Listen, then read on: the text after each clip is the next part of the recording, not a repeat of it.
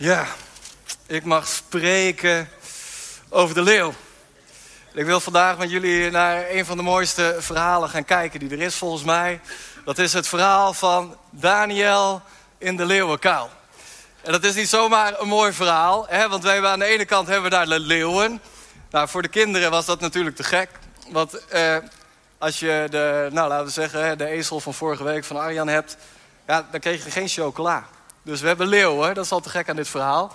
En het loopt goed af. Ik weet niet wie dat herkent, maar als ik met mijn vrouw een film ga kijken... dan wil ze eigenlijk alleen maar een film met mij kijken als die goed afloopt. Hebben meer mensen dat? De film moet goed aflopen. Oh, dat zijn een heleboel. Nou, Janita, kies er één uit. Dan uh, kan ik lekker mijn eigen films kijken. ja. Daniel in de? Voor, voor wie het verhaal eigenlijk nog niet zo goed kent... De korte samenvatting is, Daniel die, die wordt in de leeuwenkuil gegooid... omdat hij niet luistert naar de nieuwe wet. En hij wordt eigenlijk in, een, in een donkere kuil gegooid. Uh, dat, dat lees je ergens ook wel tussen de regels door... want er wordt een steen uiteindelijk erop gelegd en dan wordt het afgedekt... en het kan best een hele grote steen zijn... Maar ja, op een gegeven moment houdt het op qua grootte. Dus hij wordt in het duister gegooid. Waar allemaal leeuwen zijn. En het zijn er veel. Uh, en wonder boven wonder, na de nacht, na het pikken donker, stapt Daniel zonder enig schammetje weer uit die leeuwenkuil. Nou, de band uh, mag weer naar voren komen, want uh, oké, dat zou wel een beetje heel snel gaan. Hè? Maar dat is het verhaal, want er zit natuurlijk veel meer in, dit verhaal. En juist ook als wij als gemeente aan het begin van het nieuwe seizoen staan, juist ook met volgend weekend in gedachten. Als we gaan zeggen als gemeente, en we willen beginnen op onze knieën. We willen God aanbidden voordat we dit seizoen ingaan. Juist ook als voor jou ook weer het nieuwe seizoen begint. Dan staat er zoveel in dit verhaal wat, zoveel waarheid heeft. En dan willen we gaan kijken naar de leeuw. Aanbid de koning.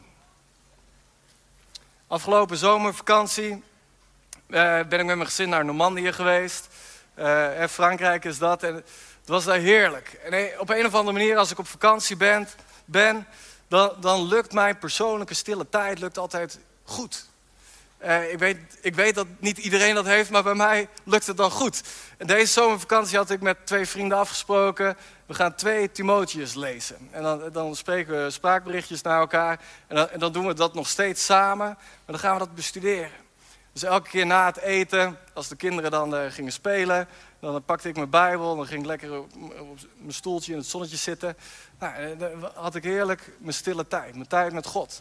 Mijn vakantie, Bijbelstudiestructuurtje, ja, was, was, was super. Maar zoals eh, we hier allemaal zitten, de meesten zullen het door hebben gehad. Vakantie eindigt een keer, dus ik kom weer terug. Ik kwam op woensdagavond thuis en op vrijdagochtend moest ik weer aan het werk. Maar ik had het voordeel, ik mocht naar Next Move sportkampen toe. Een plek waar 170 mensen bij elkaar komen. Een plek waar God vanaf moment 1 super aanwezig was. Dus ook al verloor ik een beetje mijn vakantie bijbelstudiestructuurtje. Ik was nog steeds op een prachtige plek waar God aanwezig was en waar wij hem mochten aanbidden. Dus het was nog steeds goed. Nou, vrijdag kwam ik eraan. We hadden het weekend met de coaches ter voorbereiding. En maandag kwamen alle tieners. En toen kreeg ik corona. Dat was even balen. Ik was de projectleider van dit kamp. Ik was al het hele jaar dit kamp aan het organiseren met, de, met het team. En, en dan krijg je corona. Dus ik moest naar huis toe. En eigenlijk binnen no time werd ik goed ziek. Met dikke koorts op bed gelegen. En weg was mijn hele vakantie, bijbelstudie, structuurtje. Er was helemaal niks meer van over. Als het al iets was, dan, dan was het dat ik van af dat kamp waar God heel erg aanwezig was, ineens op een plek zat waar ik me heel alleen voelde en, en waar God heel ver weg voelde. Eigenlijk binnen, binnen no time. En, en, zelfs toen het weer wat beter met me ging, toen had ik moeite om dat structuurtje weer op te pakken. Het lukte eigenlijk niet. En als ik eerlijk was, dan voelde dat als falen. Ik had gefaald. En nou, nou hoor ik hier een aantal mensen al denken: ach jongen, God die houdt van jou. prachtig dat je zo'n structuurtje hebt, maar daar gaat het niet om. Dat, dat, dat kan religie, ga, religie zijn. En het gaat niet om religie, maar het gaat om relatie. En God die ziet jou en die heeft jou lief. En het maakt niet uit wat je doet. Je bent altijd welkom. Prachtig. Dat is super mooi. Dat is waar. Het is ook een beetje ingewikkeld, toch? Ik vind dat wel ingewikkeld. En helemaal als ik naar dit verhaal van Daniel kijk in de leeuwenkuil. Dus laten we samen gaan lezen. Daniel 6, er komen af en toe stukken op de beamer, maar niet het hele stuk. Dus als je een Bijbel bij hebt, ik nodig je uit, pak hem erbij. Want dan kan je zelf ook gewoon mee blijven lezen. Daniel 6. En als we in dit verhaal aankomen, dan is uh, Daniel een belangrijk man. Hij, is een uh, belangrijk man in het koninkrijk van koning Darius. En de hiërarchie in dat koninkrijk werkt een beetje als volgt. Je hebt dan dus de koning Darius, dat is de belangrijkste. Dan heb je drie rijksbestuurders, en eh, Daniel die is er daar eentje van. En dan zijn er nog 120 stadshouders, waar, waar die drie rijksbestuurders dan verantwoordelijk over zijn. En zo zit dat dan in elkaar. En dan staat daar, omdat Daniel over een uitzonderlijke geest beschikt. Dus hè, eh, een pintere kerel en misschien ook wel omdat hij verbonden is aan Gods geest, overweegt de koning om Daniel nog wat belangrijker te maken. Nog wat belangrijker dan die drie rijksbestuurders. En eh, dat vinden die andere twee, die vinden dat niet een heel geweldig idee. En die 120 stadshouders, ook niet dol enthousiast. En, en, en dan komen we aan, halverwege vers 5. En daar wil ik met je gaan lezen.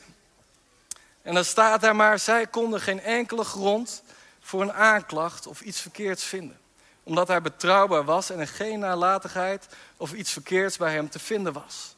En toen zeiden deze mannen, dus die rijksbestuurders en die stadshouders, die zeiden... wij zullen tegen deze Daniel geen enkele grond voor een aanklacht vinden... tenzij we iets tegen hem vinden in de wet van zijn God. Op dit punt in het verhaal weten deze mensen al dat Daniel dromen kan uitleggen. Dat heeft hij al een keer gedaan. Ze hebben ook door dat hij, hij een uitzonderlijke geest had. Dus hij had ze bovenin wel op een rijtje zitten. En de koning die vindt blijkbaar dat Daniel zijn politieke skills goed genoeg zijn om hem te upgraden. anders wil je hem niet nog belangrijker maken. En als ze dan gaan graven in het leven van Daniel, als ze dan op zoek gaan naar de dirt, als ze op zoek gaan naar het vuil in zijn leven, dan vinden ze helemaal niks. terwijl ik dit las, toen dacht ik ook, hey, hoe, hoe is dat voor jou? Hoe is dat voor ons? Misschien juist ook wel als je op een positie van invloed staat. Als je leider bent. Misschien wel als je je eigen bedrijf hebt. Of eh, misschien wel als je leiding geeft over je gezin of een plek hier in de kerk inneemt. Is er iets te vinden bij jou? bij Daniel vinden ze niks. Om betrouwbaar te zijn, om eerlijk te zijn. omdat het er gewoon niet is. Hoe zit dat bij jou? Ligt daar misschien een uitdaging? De leiders die vinden bij Daniel niks.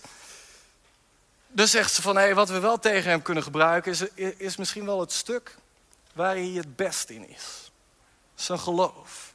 Laten we daarin gaan graven. En het plan is eigenlijk redelijk simpel. Ze zeggen, voor de komende 30 dagen geldt, aanbid de koning. Aanbid de koning. Wel, koning Darius gaat het hier om. Aanbid koning Darius. En tot nu toe is deze koning goed geweest voor Daniel. Uh, maar hier lijkt hij ook wel wat gemakkelijk. Hij lijkt hier niet op zijn scherp, scherpst. Want ten eerste, toen deze mannen voor de koning kwamen, kwamen om eigenlijk die, die nieuwe wet van hey, laat iedereen u aanbidden, koning Darius.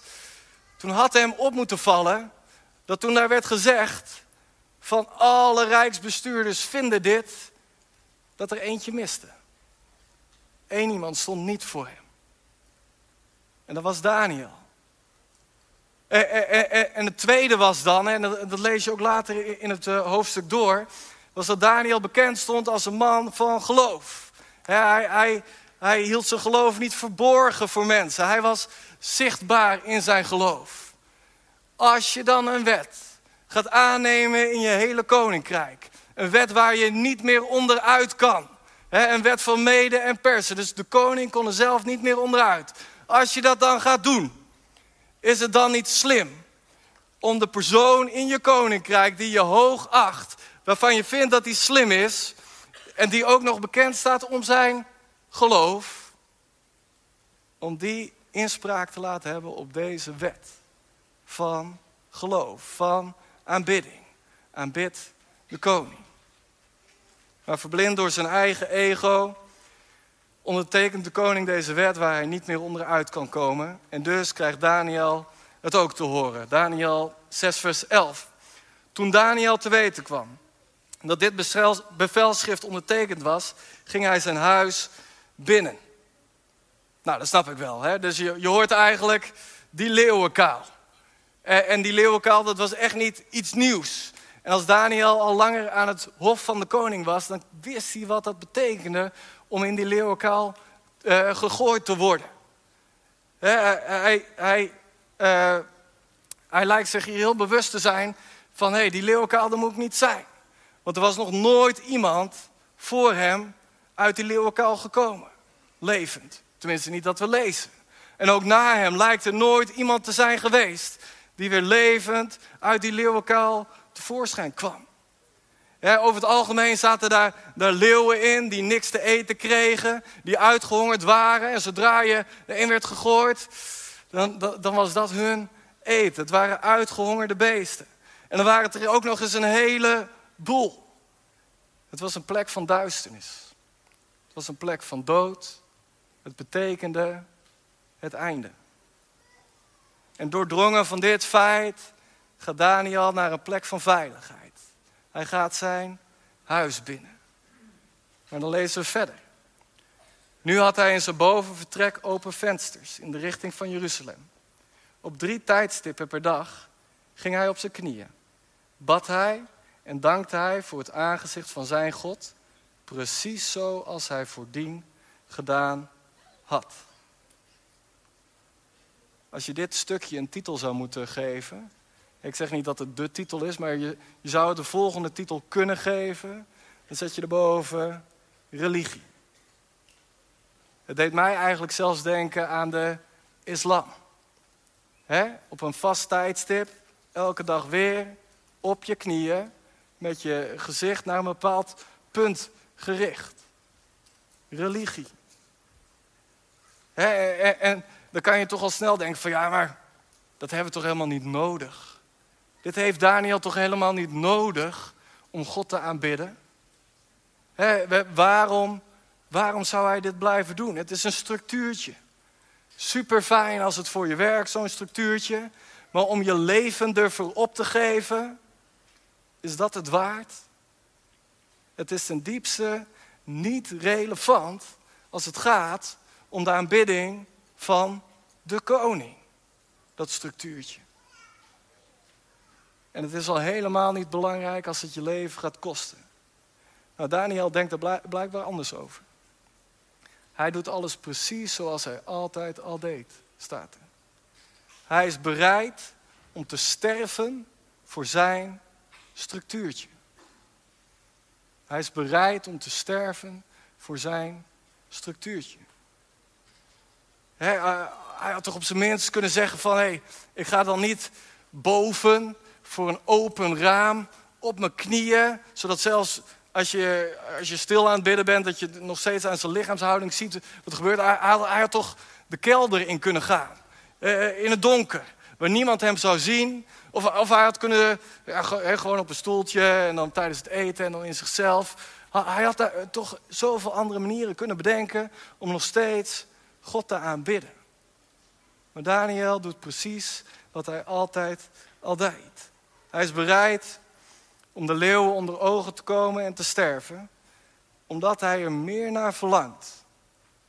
Om in de aanwezigheid van God te zijn. En iedereen moet dat zien. Iedereen moet dat zien. Hij zegt eigenlijk, het leven is Christus en sterven is winst. Als ik leef met alles wat ik doe, leef ik voor Jezus. En als ik dan doodga, dan is dat alleen maar goed. Want dan ben ik bij Jezus. Het leven is Christus en sterven is winst. Ken je dat in je eigen leven? Dat je ergens op een keer bereid bent geweest om jezelf af te leggen, om, om daar een plek van aanbidding voor de koning te creëren. om het misschien wel even iets simpeler te maken, misschien ging het wel niet over leven of dood, maar dat het in ieder geval betekende dat je geen water bij de wijn deed, omdat je door had van hé, maar nu moet ik voor Jezus gaan staan. Herken je dat bij jezelf?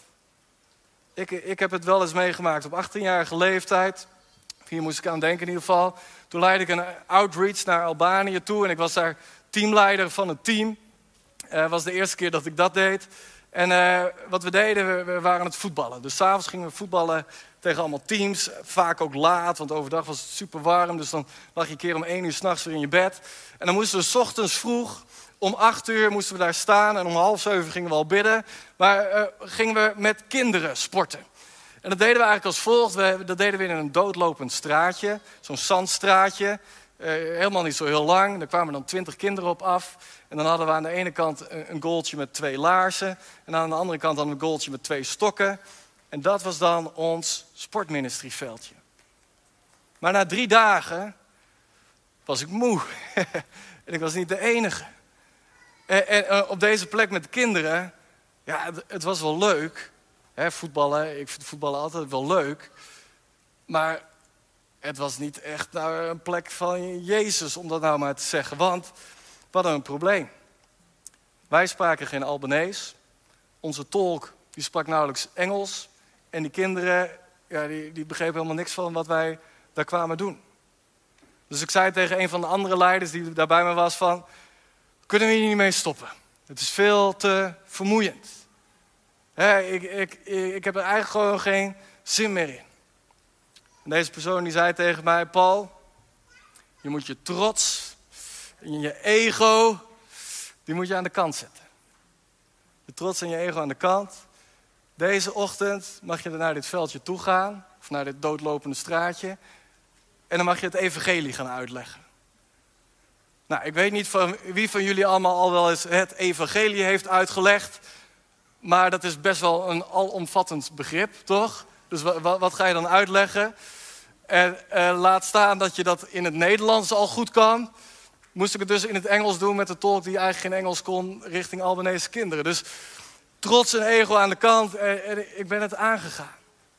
En ik kwam daar bij het veldje en tien kinderen waren aan het voetballen en tien kinderen kwamen dan bij mij. En ik ging op mijn knieën in het zand met een stokje, ging het evangelie uitleggen. Dus ik zei hè, van uh, wij zijn hier aan deze kant en er is een grote gat. Dat tekende ik dan zo uit. En we hebben Jezus nodig om aan de overkant bij God te komen. Het gaat om Jezus. En ineens naast mij de tolk. Die was allemaal Albanese zinnen aan het uitspugen. Dat ging hartstikke vloeiend.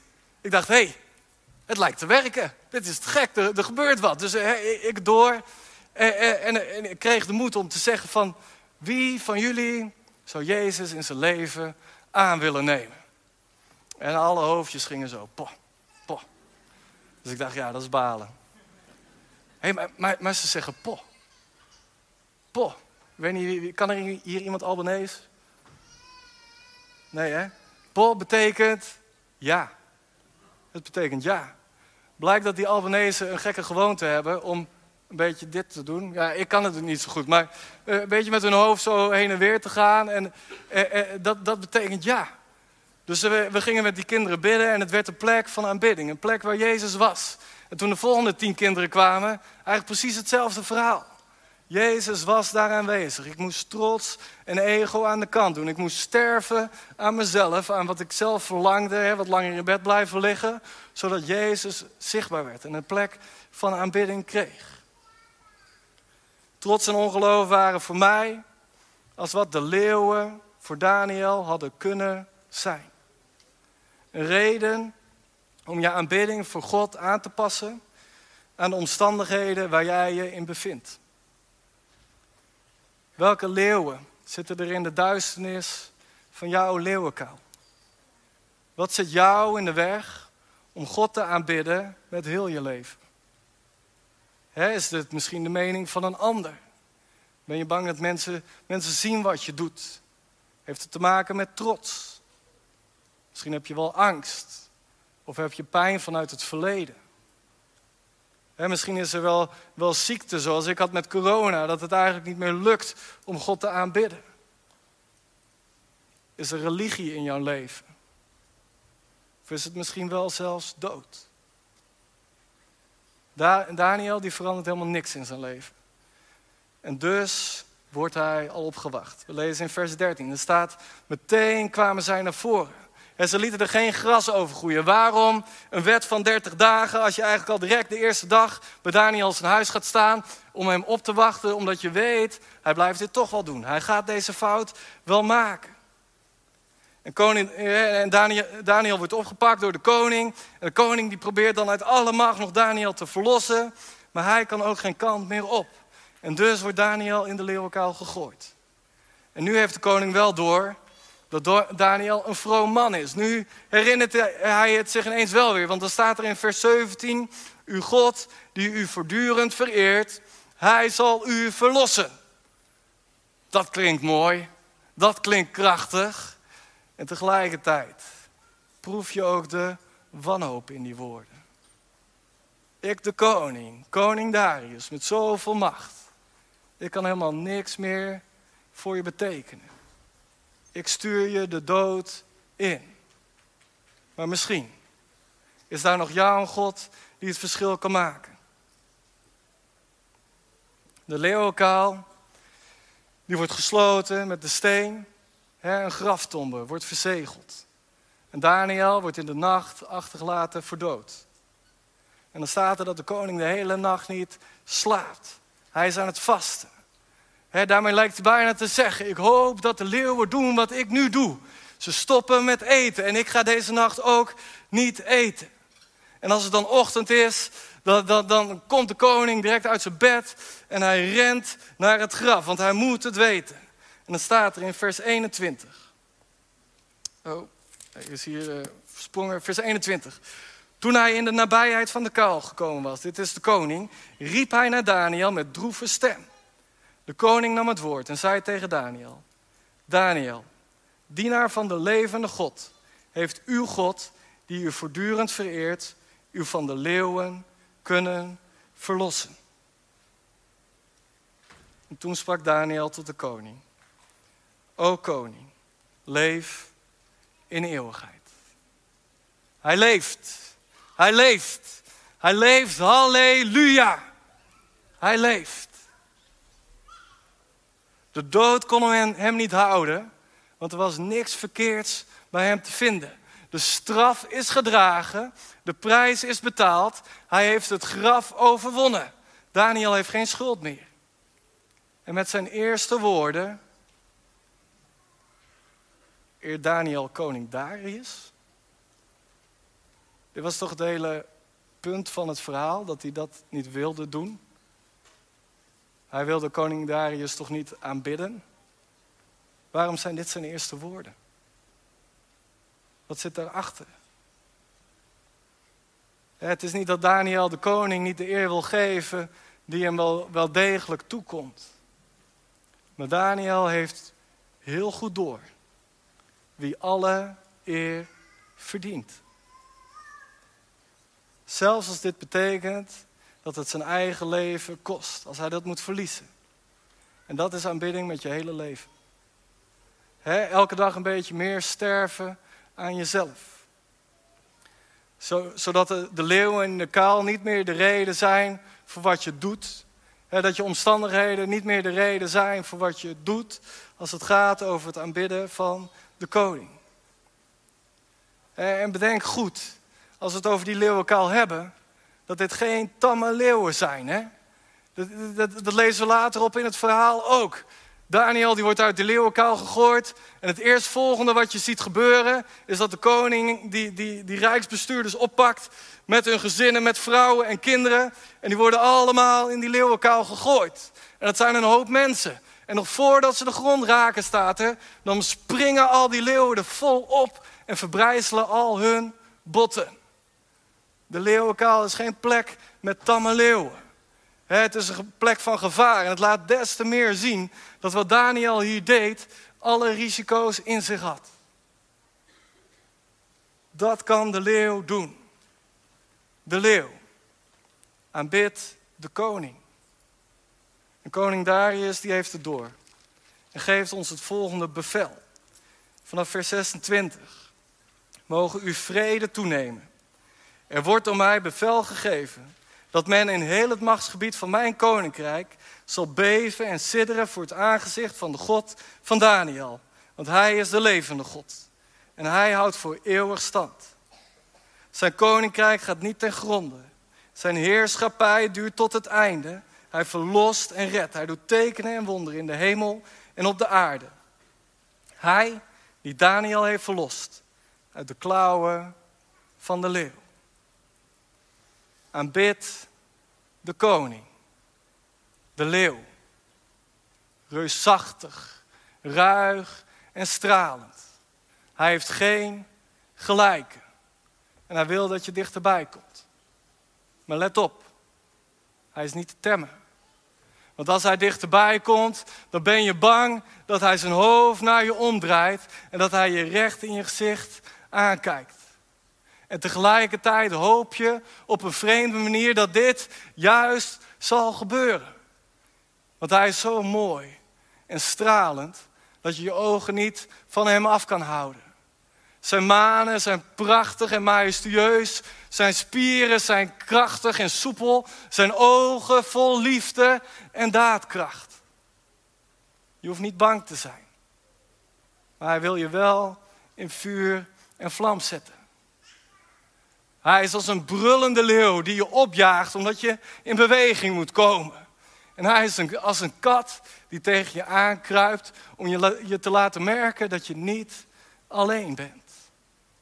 Als hij zijn mond open, duw, uh, open gooit, dan, dan schept hij en dan maakt hij dingen nieuw. En deze leeuw, die zegt, heb lief, denk, spreek en weet dat ik ben de leeuw. Aanbid de koning. Ik wil met jullie een moment van gebed ingaan. En ik ga je zo vragen om samen met mij te knielen. Te knielen zoals Daniel dat doet.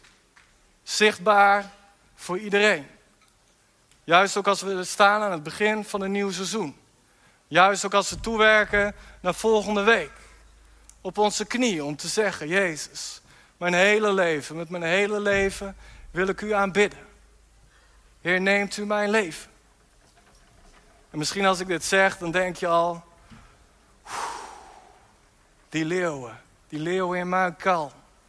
En wat zullen mensen hier wel niet van vinden als ik voor, zichtbaar voor iedereen op mijn knieën ga? Wat zou mijn partner ervan vinden? Of wat vinden mijn kinderen ervan als ik hier op mijn knieën ga zitten? Maar misschien ook wel voor de kinderen. Kinderen, ik spreek jullie nu even aan. Je mag meeknielen. Juist ook omdat we één gezin zijn. De leeuw, die ziet jou ook. Durf jij met ons op je knieën te gaan? Ben je dan bang wat je ouders daarvan zouden kunnen zeggen als je weer thuis bent? Of is het misschien wel ten diepste dat als we onszelf op onze knieën vinden en de leeuw eraan komt, dat we bang zijn dat hij zijn hoofd naar je omdraait en je recht in je ogen aankijkt. En dat je daar die liefde ziet en daar die daadkracht ziet, die eigenlijk te overweldigend voor je is. Maar dat je ten diepste als je heel eerlijk bent naar jezelf, dat je ten diepste weet dat dat de plek is waar je moet zijn. Zullen we samen gaan knielen? Ik nodig je uit om samen met mij te knielen en samen in gebed te gaan, juist ook op deze ochtend. Misschien kan je ook wel niet knielen eh, door lichamelijk iets. Voel je vrij dan natuurlijk om te blijven zitten. Maar weet ook dat jij dit ook doet voor aanbidding naar de koning. Laten we samen bidden. Jezus Heer, we komen bij u op onze knieën. Heer, voor de troon van de Almachtige God. Jezus, en mijn gebed is dat dit een plek is waar we dit jaar zoveel vaker te vinden zijn. Op onze knieën, waar we zeggen, ons hele leven is voor u. We willen sterven aan onszelf en we willen dat u zichtbaar wordt in ons leven. Jezus, de leeuw. Aanbid de koning. Heer, wilt u op dit moment ook komen met uw geest. Als we ons klein maken. Als we ons kwetsbaar opstellen. Als misschien wel van alles in ons gebeurt. Heer, wilt u dan komen als die, die kat die tegen ons aankomt liggen. Dat we mogen weten dat we niet alleen zijn. Heer, maar misschien moet u ook wel brullen als de leeuw die ons opjaagt. Omdat we in beweging mogen komen. Omdat er nog zoveel meer leven is in u. Heer Jezus, op die plek willen we uitkomen. En zo willen we ook op onze knieën zitten voor deze gemeente, Heer Jezus. Heer, als we uit een jaar komen die zwaar is geweest, die veel heeft gekost. Heer, als we uit een jaar komen die, die, die ook in teken staat van het missen van mensen. Mensen die ons zo geliefd zijn. Heer Jezus, dan willen we ons verootmoedigen op onze knieën. En zeggen aan u alle eer. Aan u alle eer. Jezus, Heer. Ik wil u ook vragen, Jezus, wilt u op dit moment ook komen en gaan spreken? Zal ook een moment van stilte ingaan. Heer, wilt u spreken tot ons hart? Welke leeuwen er misschien wel in de duisternis van onze eigen leeuwenkuil zitten. Welke dingen, welke omstandigheden in ons eigen leven ons in de weg staan, Jezus, om u vrij te aanbidden. Heer, we willen geen religie. Heer, maar misschien hebben we wel een structuurtje nodig. Misschien hebben we wel een structuurtje nodig om u te kunnen aanbidden, Jezus. Heer, spreekt u op dit moment in de stilte tot ons hart. In Jezus' naam.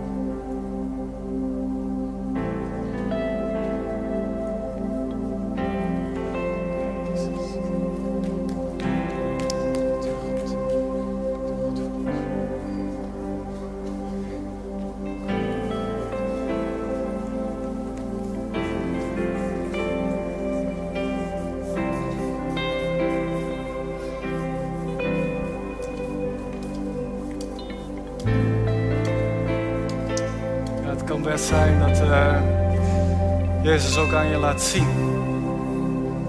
Welke leeuwen er in jouw leeuwenkuil zitten. En wat jou daadwerkelijk afhoudt om hem vrij te mogen aanbidden.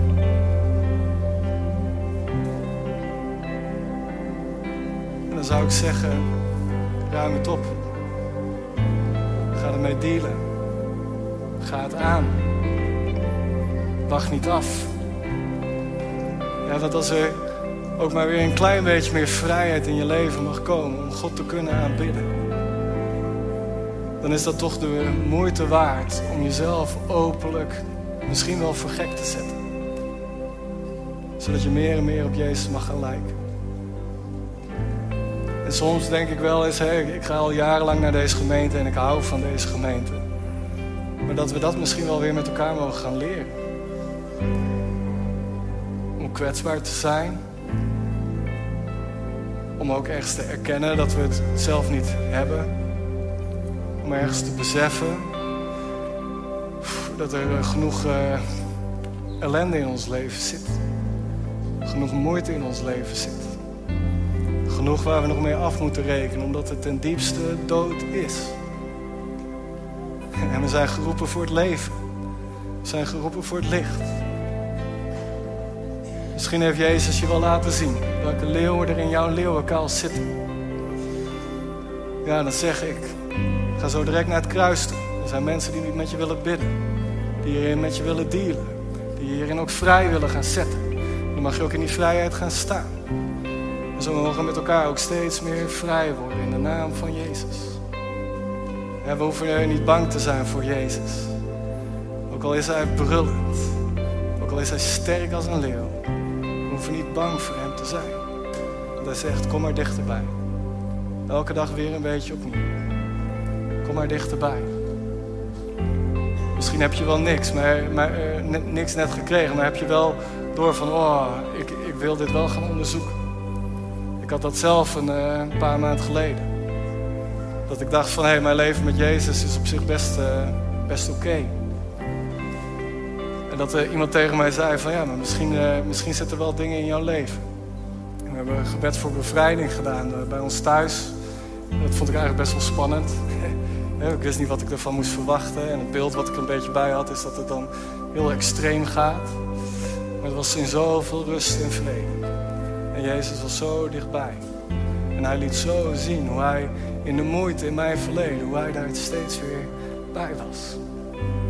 En ik geloof dat hij dat ook aan jou wil laten zien. Maar dat wij onze trots en ego aan de kant moeten zetten. En misschien wel zichtbaar voor iedereen moeten zeggen. Jezus, met heel mijn leven wil ik u aanbidden. De leeuw. Aanbid te komen.